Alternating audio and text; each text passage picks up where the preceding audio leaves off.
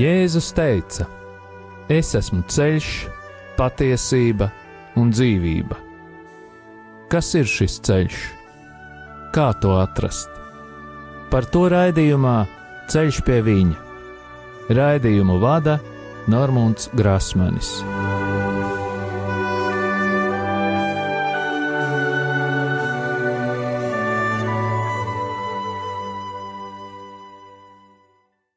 Slavēts Jēzus Kristus. Atkal ir pirmdiena, un ēterā izskan šīs sezonas pēdējais raidījums Ceļš pie viņa. Man ir prieks ar jums atkal satikties, darbie radio Marija klausītāji. Nākošā sezona sāksies ar septembri, un vasaras periodā varēsiet klausīties raidījuma atkārtojumus. Aicinu jūs rakstīt savas domas uz e-pasta adresi ceļš pie viņa at gmail.com. Pateicos par jūsu lūgšanām un aicinu jūs turpināt lūgties par mani. Es savukārt lūkšos par jums. Pagājušajā raidījumā runājām par tādu pseido-kristīgo grupu kā Palmerijāņu baznīca, un priesteru un profesoru Tomislavu Ivančiču izveidoto terapeitisko metodi. Šī garīgā prakse ir palīdzējusi daudziem kristiešiem visā pasaulē atbrīvoties no emocionāliem, garīgiem un pat fiziskiem traucējumiem. Skaidrs, ka visas šīs metodes ir iedarbīgas tikai tādā gadījumā, ja tiek pielietot arī cilvēka ticība. Šodien aplūkosim tādu pseido-kristīgo grupu kā rožkrustieši. Iespējams, ka šāds nosaukums ir dzirdēts, tāpēc būs labi, ja būs kāda skaidrība par šo. Ir tādi katoļi, kur ir pievienojušies rožkrustiešu kustībai Tā ir dibināta Amerikā. Šie ordeņa simbols ir krusts, uz kura ir roze. Pats vārds ir cēlies no Kristiāna Rozenkreits, kas ir dzīvojis Vācijā 14. gadsimtā un nodzīvojis līdz 106 gadu vecumam. Kristians pats apgalvoja, ka ir ceļojis pa tojiem austrumiem un vidusjūras krastos esošajām zemēm kur iegūst slepenas zināšanas. Šīs ezotēriskās zināšanas viņam ļāva it kā pareizi saprast, līdz tam laikam it kā nepareizi izprasto kristīgo reliģiju. Vissenākais zināmais dokuments, ko piemin rožkrustieši, ir grāmatiņa ar nosaukumu Fra Fama Fraternitatis, kas tulkojumā nozīmē brālības apskats. Šī grāmatiņa tika publicēta Vācijā 1614. gadā un ataino viduslaiku bruņinieka Kristiāna Rozenkreita dzīvi. Iesākumā šī grupa bija pazīstama kā Rozes un Krusta brālība, ko 1907. gadā izveidoja Karls Luiss van Grashofs un Maks Heindels. Vēl šī kustība darbojās ar tādiem nosaukumiem kā Svētā priesterība un apgaismības baznīca. Laikam ritot šī brālība sadalījās. Rožkrustiešu ordenis tika dibināts 1968. gadā Amerikā. To dibināja Paskāls Beverlijs Randolfs. Visplašāk izplatītā rožkrustiešu grupa ir antīkais mistiskais rožkrustiešu ordenis – vai saīsinājumā Amork, kur dibinātājs ir Spencers Luiss. Organizācijas galvenā mītne atrodas Kalifornijā. Tātad rožkrustiešu filozofija mēģina visu reliģiju pamatusskatus apvienot un tos ietvert vienā sistēmā. Dažādu rožkrustiešu grupu mācībās šķiet pastāv liela daudzveidība. Tomēr visās grupās ir arī viena kopīga tendence. Rožkrustieši ir slepens ordenis, kas balstās uz izlases principu. Viņi savas senās gudrības nodod tālāk tikai īpaši izvēlētiem locekļiem. Tā kā Maks Heindels bija teozofiskās sabiedrības loceklis, Amorka mācība ietver arī ticību reinkarnācijai, karmai un tam, ka veselību var uzturēt, noraidot domas par vājumu un vecumu. Iniciācija ordenī un tā struktūra līdzīga ir kā brīvmūrniekiem. Kas ir slepens ordenis? Par šo ordeni mēs runāsim nākošajā sezonā, taču atgriezie, atgrie, atgriežoties pie rožkrustiešiem, izredzētie no ārējā loka, jeb grupējuma ārējā galma, tika uzaicināti pievienoties iekšējam lokam, svētajai priesterībai. Ar jēdzienu apgaismības baznīca tiek apzīmēts grupējuma ārējais loks, kam būtu jābūt atklātam. Mūsdienu, rožkru, mūsdienu rožkrustiešu mācība, tāpat kā teozofija un brīvmūrnieku mācība, var tikt uzskatīta par kristīgā gnosticismu formu. Uzsvars tiek likts uz pārmaiņām, psihisko attīstību un meditatīvo disciplīnu. Atšķirīgās rožkrustiešu grupējuma mistēriskās un neparastās prakses būtu neapšaubām interesants un informatīvs izpētes objekts. Tomēr bažas rada rožkrustiešu uzskati par dieva atklāšanos cilvēkam, kā arī tas, ko viņi domā par Jēzu Kristu. Maks Hendels uzsver, ka pirmajā vietā viņiem ir tīra, okulta informācija, Pēc tam viņi skatās, ko saka Bībele. No tā varam saprast, ka noslēpumu, ko rožkrustieši iegūst no avota, kas nav īsti skaidrs, tiek uzskatīti par svarīgākiem nekā Bībeles patiesības. Turklāt apzīmējums okults rožkrustiešu literatūrā tiek bieži izmantots un apzīmē slepenās zinības, kas ir pieejamas tikai tiem, kas ir iesvētīti šajā sistēmā.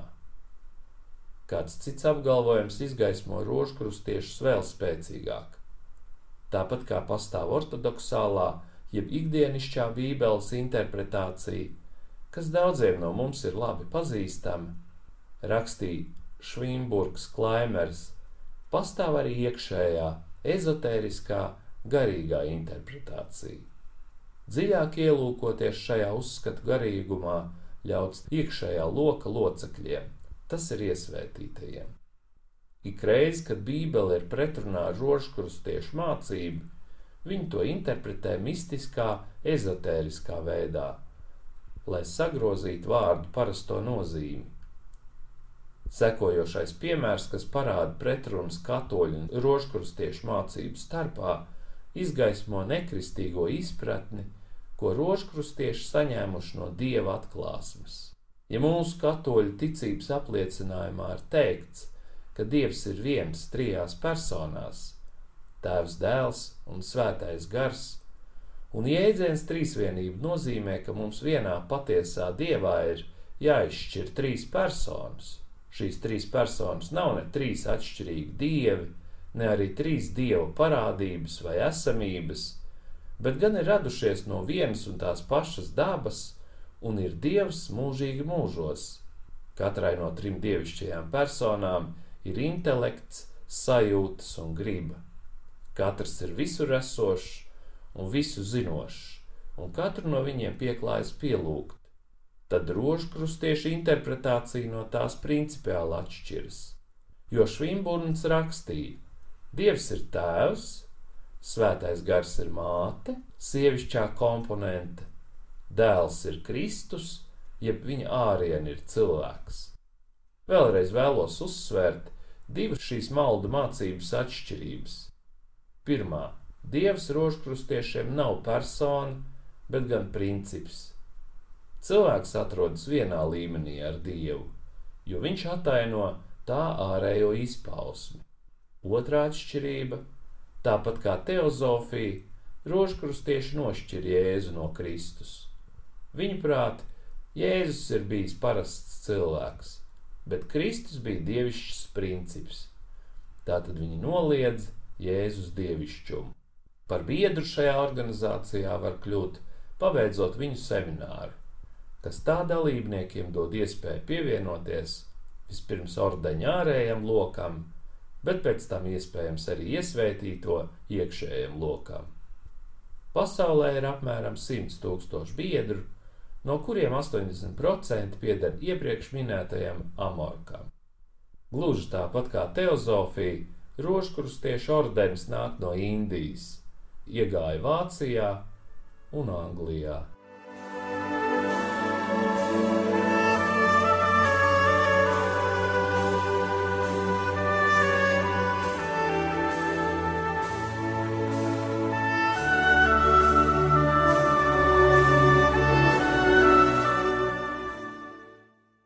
Un tagad pie patīkamā. Tā kā priekšā ir vasara, tad vēlos jūs aicināt izlasīt Tomislavu Vančiča grāmatu Dievs pārmaina, jo šajā grāmatā ieraudzīju ceļā ārā no strupceļiem, kuri daudzu gadu garumā mani personīgi nomāca.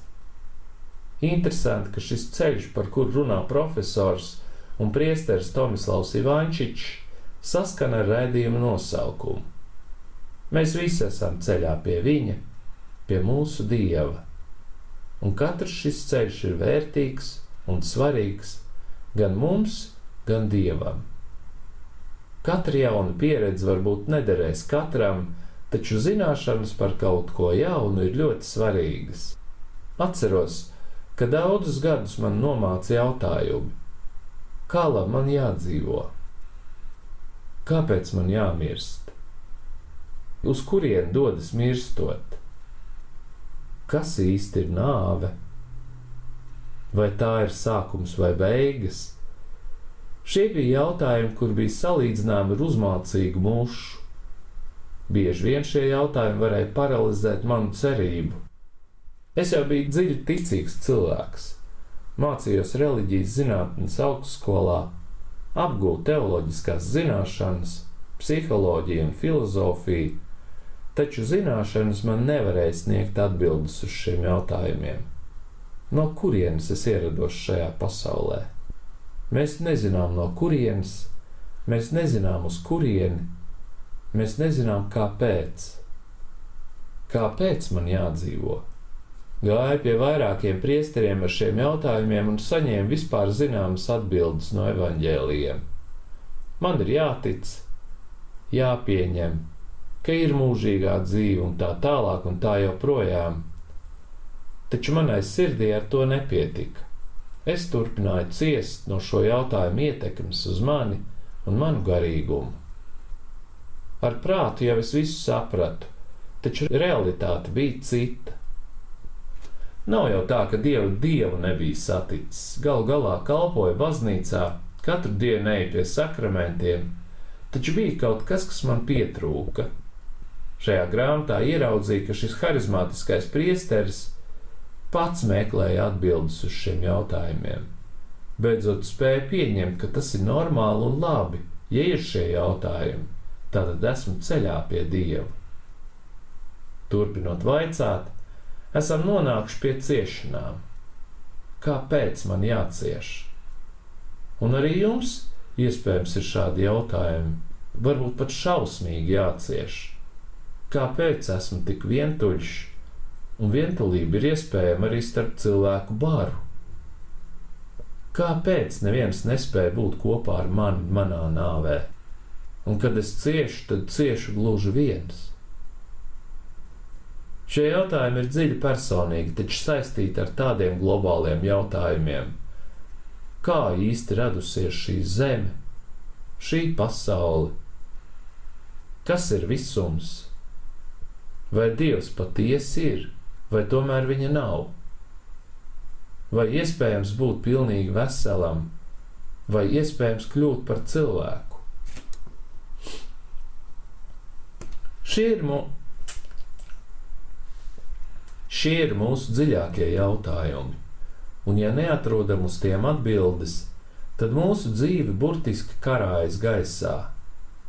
Tad mēs ejam uz nekurieni, un nākam no nekurienes. Būtu jābūt tā, ka dievam ir jābūt ik vienas zinātnes un itin visu mūsu dzīves meklējumu objektam. Dievam ir jābūt manas dzīves pamatam. Dievā es esmu. Dievs ir mans jautājums, Dievs ir mana pagātne un nākotne. Tālāk varam turpināt jautājumus. Kam gan visa zinātne, ja dieva, ja nav dieva, un rīt atkal ieeju nebūtībā? Vai pasaulē ir nākotne? Vai būs atomkarš, kas visu iznīcinās? Vai ir kāda liela cerība, vai arī mēs dzīvojam bez cerības? Ar šiem jautājumiem mēs pieskaramies dzīves pamatpatiesībām. Mēs nemaz nespējam dzīvot mierīgi, laimīgi, cilvēcīgi, mierīgi, laimīgi un cilvēciski bez šīs īstenības. Mums vajadzīgs Dievs, lai mēs spētu dzīvi baudīt. Ja tikai miesa izjūt tīksmi, bet gars vai psihe no tā cieš, tā nav nekāda bauda. Patiesi mums ir atņemts ļoti daudz, ja nedzīvojam saskaņā ar Dievu, visas dzīves pamatu. Tomēr pasaule mums ir dota, lai to baudītu, lai mēs kļūtu pa īstam laimīgi. Tāpēc es piedāvāju vasaras periodā sākt meklējumus. Dzīves pamatu atrod tikai tas, kurš meklē, nevis tas, kurš domā, ka ir to jau atradis. Jo dievu nevar atrast, viņu var vienīgi meklēt. Viņš ir neaptverams un neizsmeļams. Ja esi dievu jau atradis, tad viņa tev nav. Ja meklē, tad tu vienmēr esi pie dieva. Vienīgi tie, kas meklē dievu, atrod un paliek ar viņu. Svētais gars ir tikai tiem, caur kuriem tas var plūst. Dieva gars ir dzīvais ūdens, tas ir kā vēja plūsma, un tas ir mīlestība kamēr es mīlu citus, un gars no dieva caur mani var nākt pie viņiem, es esmu gara piepildīts.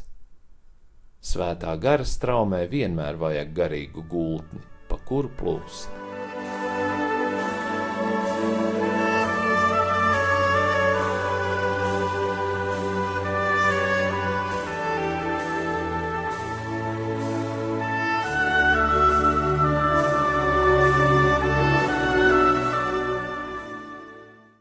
Varbūt uzdosim sev vēl dažus jautājumus. Vai tu šodien jau esi dzīvojis? Kurp aizrit tavas dienas un naktis? Kurp aizrit tavas nedēļas un gadi? Cik gadu tu vēl dzīvosi? Varbūt tu nemaz vēl neesi sācis dzīvot. Varbūt tavas dienas aizrit un iekrīt nebūtībā vai arī tu ieej dzīvībā. Dievs ir mūsu dzīves pamats. Tu nevari mūžam palikt ar savu ticību, karādamies tukšumā. Tev vajag pamatu, tev vajag klinti par pamatu. Tad tu vari paļāvībā iet uz baznīcu.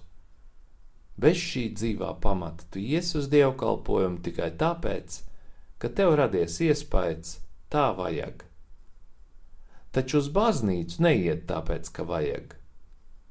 Neviens policists tevi nespiež to darīt. Baznīcā iet tāpēc, ka drīkst, nevis tāpēc, lai kaut ko izpildītu.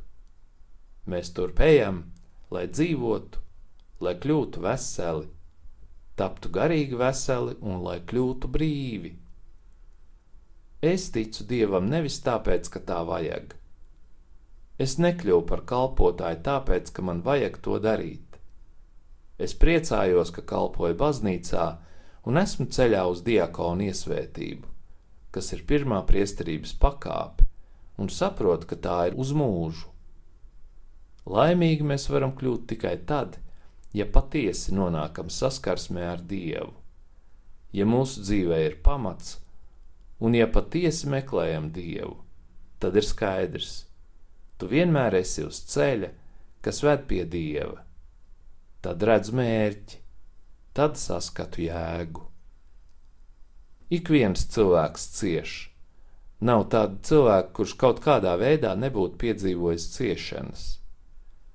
Cieš bagātie un nabagie, iekšēji vai ārēji, mēs visi ciešam.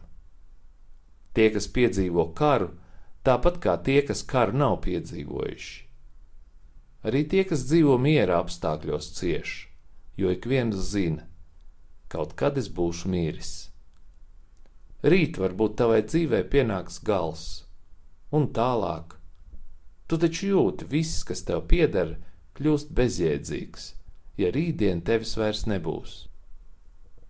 Kompjūteru Macintosh un iPhone radītājs Jobs pirms nāves nonāca pie atziņas, kuras skanēja aptuveni tā: Es esmu bagāts cilvēks, taču vērtība ir nevis naudai, kur esmu nopelnījis, bet tuvākajiem cilvēkiem, kurus esmu mīlējis. Tātad pati lielākā vērtība mūsu dzīvē ir mīlestība. Kāda jēga tavai mājai, tavam dzīvoklim, naudai, automašīnai? Kāda jēga tavam ķermenim, ja rīt vairs vispār nebūs laika? Šī vasara būtu laiks, lai mēs apdomātu, jo kaut kādā veidā kaut kas no dzīves ar vienu aizplūst prom no mums. Mums vienmēr pietrūkst kaut kas no tā, kas ir pats svarīgākais. Mēs dzīvojam tikai miesā, dienu un nakti strādājam savu ķermeņa labā, lai to uzturētu. Jā, mēs dzīvojam kopā ar citiem, taču tikai psihiski. Garīgā ziņā mēs aizvien vēl esam iesācēji, lai gan domājam, ka nu jau visu zinām, taču patiesībā zinām pārāk maz. Dzīves jēgas ar vien vēl pietrūkst un sāp, tātad turpinām uzdot jautājumus. Kas patiesībā notiek pēc nāves? Kāpēc mēs nespējam ieskatīties aiz šī mūra? Kāpēc nav zināms, no kurienes patiesībā rodas bērni? Kāpēc nav zināms, kāpēc dzīvoju tieši es? Kurš man piespied dzīvot? Atkal un atkal mēs nonākam pašā sākumā, un tāpēc gribam dziļi uzrakt zemi, kas mums zem kājām jo tikai tad spēsim baudīt visu pārējo. Jo mēs esam atnākuši šajā pasaulē, lai dzīvotu priekā. Arī Jēzus ir nācis, lai atnestu priecīgu, nevis draudīgu vēsti. Viņš ir atnācis, lai mūs atbrīvotu. Un tomēr mēs slimojam, un tik daudz smagu nastu mūs spiež. Mums ir somātiskas slimības, un mēs mēģinām tās ārstēt. Mums ir arī psihiskas slimības, un arī tās mēs mēģinām ārstēt. Un tāpat mums ir pneimatiskas, jeb garīgas slimības, un tās neārstē gandrīz neviens. Arī baznīca tās dziedē pārāk maz. Tāpēc uzdosim vēl kādus jautājumus. No kurienes rodas slimības? No kurienes rodas bēdas? Kurš ir šīs pasaules autors? Mums ir teikts, ja esam vienoti ar Jēzu, viņam ir autoritāte un spēks pār mūsu slimībām. Tad kāpēc mēs neesam ar viņu vienoti? Varbūt tava bībele vēl aizvien stāv plauktā un gaida uz tevi. Vai tu jau esi to izlasījis? nu vismaz jauno derību. Bībele mums māca, ka patiesībā visas slimības sākas gara sfērā, ka gandrīz visas miesas un psihiskas kaitas ir tikai simptomātiskas. Pirmcēloņi meklējam tikai garā. Grēks, ienaids ar dievu, atstāja mūs bez spēka, tā ka mēs nonākam nāves un slimību varā. Baznīca nodarbojas tikai ar vispārējo garīgo medicīnu, taču mums vajadzīga specifiska ārstēšana. Mums vajadzīgi šīs nozares speciālisti. Kāpēc mēs varam vest uz slimnīcu cilvēkus, kam slims ķermenis, un vērsties pie psihiatra, ja vajag ārstēt psihi, bet nevedam garīgi slimos uz baznīcu? Baznīcai taču ir dieva spēks kas spēj mainīt cilvēku sirdi un dziedināt no ļaunuma. Kāpēc cilvēks ir ļauns? No kurienes nāk ļaunums? Ļaunums arī ir slimība. Cilvēks kļūst ļauns, ja nesaņem mīlestību, ja jūtas nedrošs un ja viņa dzīvē ir zudis pamats. Viņš protestē, viņš ienīst, viņš pat var izskatīties kā apsēsts, taču tā ir slimība, gara ievainojums. Savā spēkā mēs nevaram uzvarēt ļaunumu, jo pat Jēzus to izdarīja tikai pieņemot nāvi labprātīgi. Taču mēs varam pieņemt lēmumu mīlēt. Mēs varam pieņemt lēmumu atvērt savu sirdi Dievam, lai mūsu sirds tiktu pārveidota un mēs kļūtu par kanālu Dieva mīlestībai. Es novēlu jums garīgi piepildīt vasaru, Arī man garīgi ir jāpiepildās, lai nākošajā sezonā turpinātu apskatīt kustības un mācības, kuras nesaskan ar baznīcas mācību. Noteikti vēlos turpināt iet garīgās atjaunotnes ceļu kopā ar jums un pieaugt ticībā, cerībā un mīlestībā. Būsim atbalsts viens otram un piedosim, svētīsim un pārējo izdarīs Jēzus.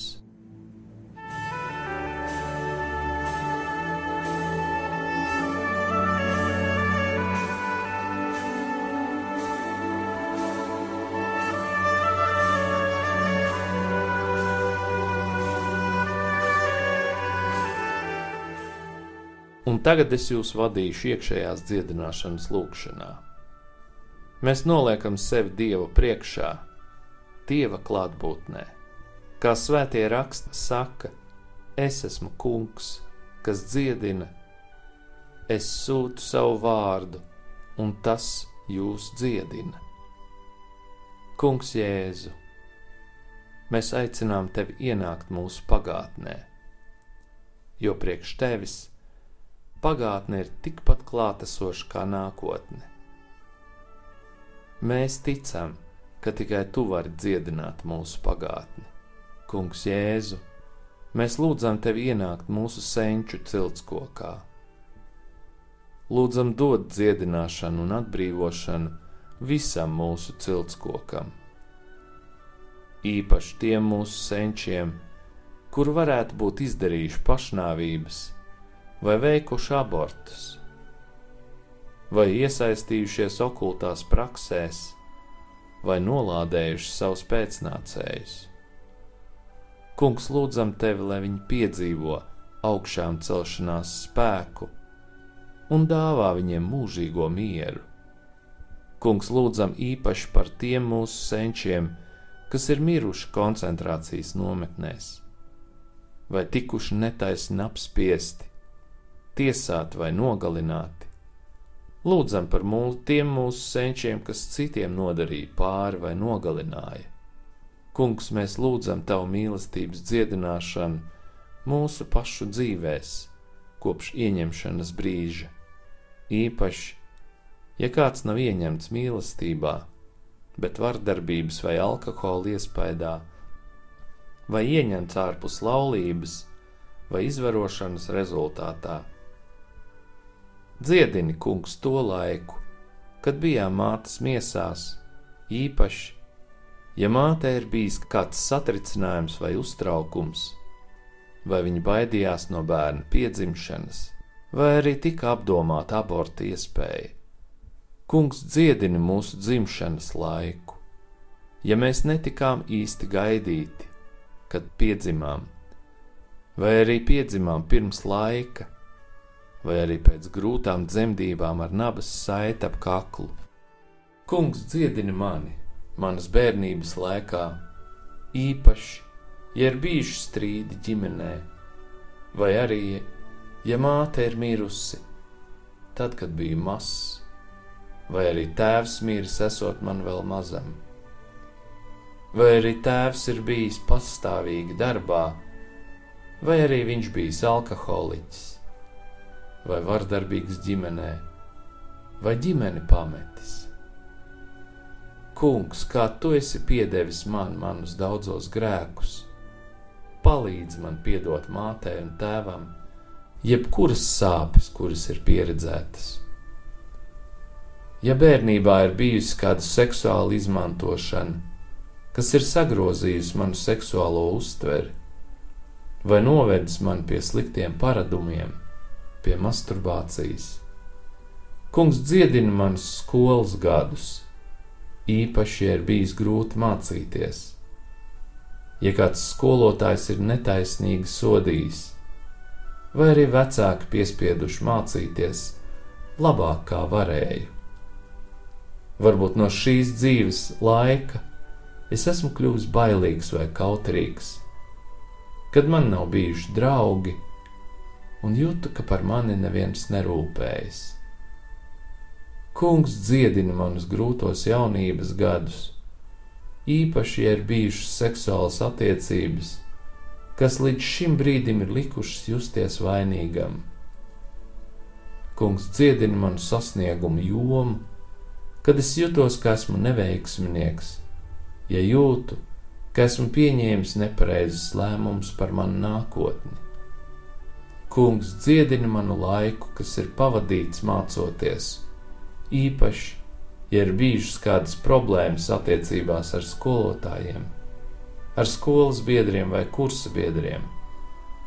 Kungs dziedina man tagadējo laiku darbā, dziedina mani izjūtas, ka neesmu daudz sasniedzis dziedini man no vientulības izjūtām.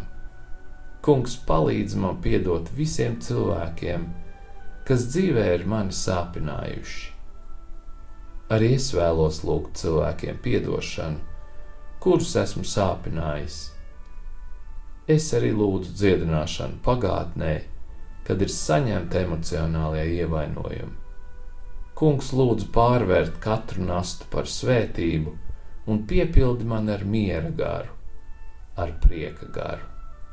To visu mēs lūdzam caur mūsu kungu Jēzu Kristu, Dieva Tēva, Dēla un Svētā gara vārdā Āmen. Un tagad saņemiet pāvesta Franciska svētību.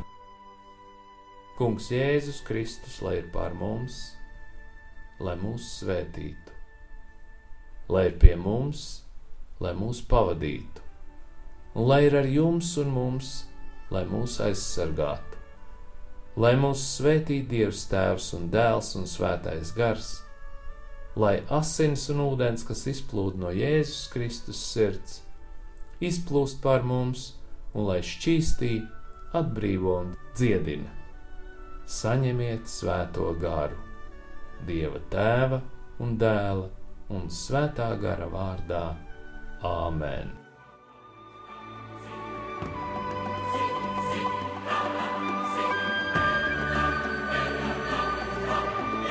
Jūs klausījāties raidījumu Ceļš pie viņa uz tikšanos pirmdien, 11.30.